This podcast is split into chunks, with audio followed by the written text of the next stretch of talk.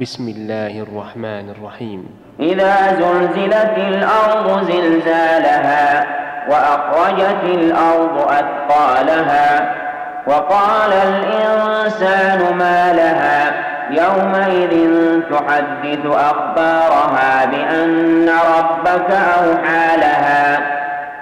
يومئذ يصدر الناس أشتاتا ليروا أعمالهم فمن يعمل مثقال ذرة خيرا يره ومن يعمل مثقال ذرة شرا يره.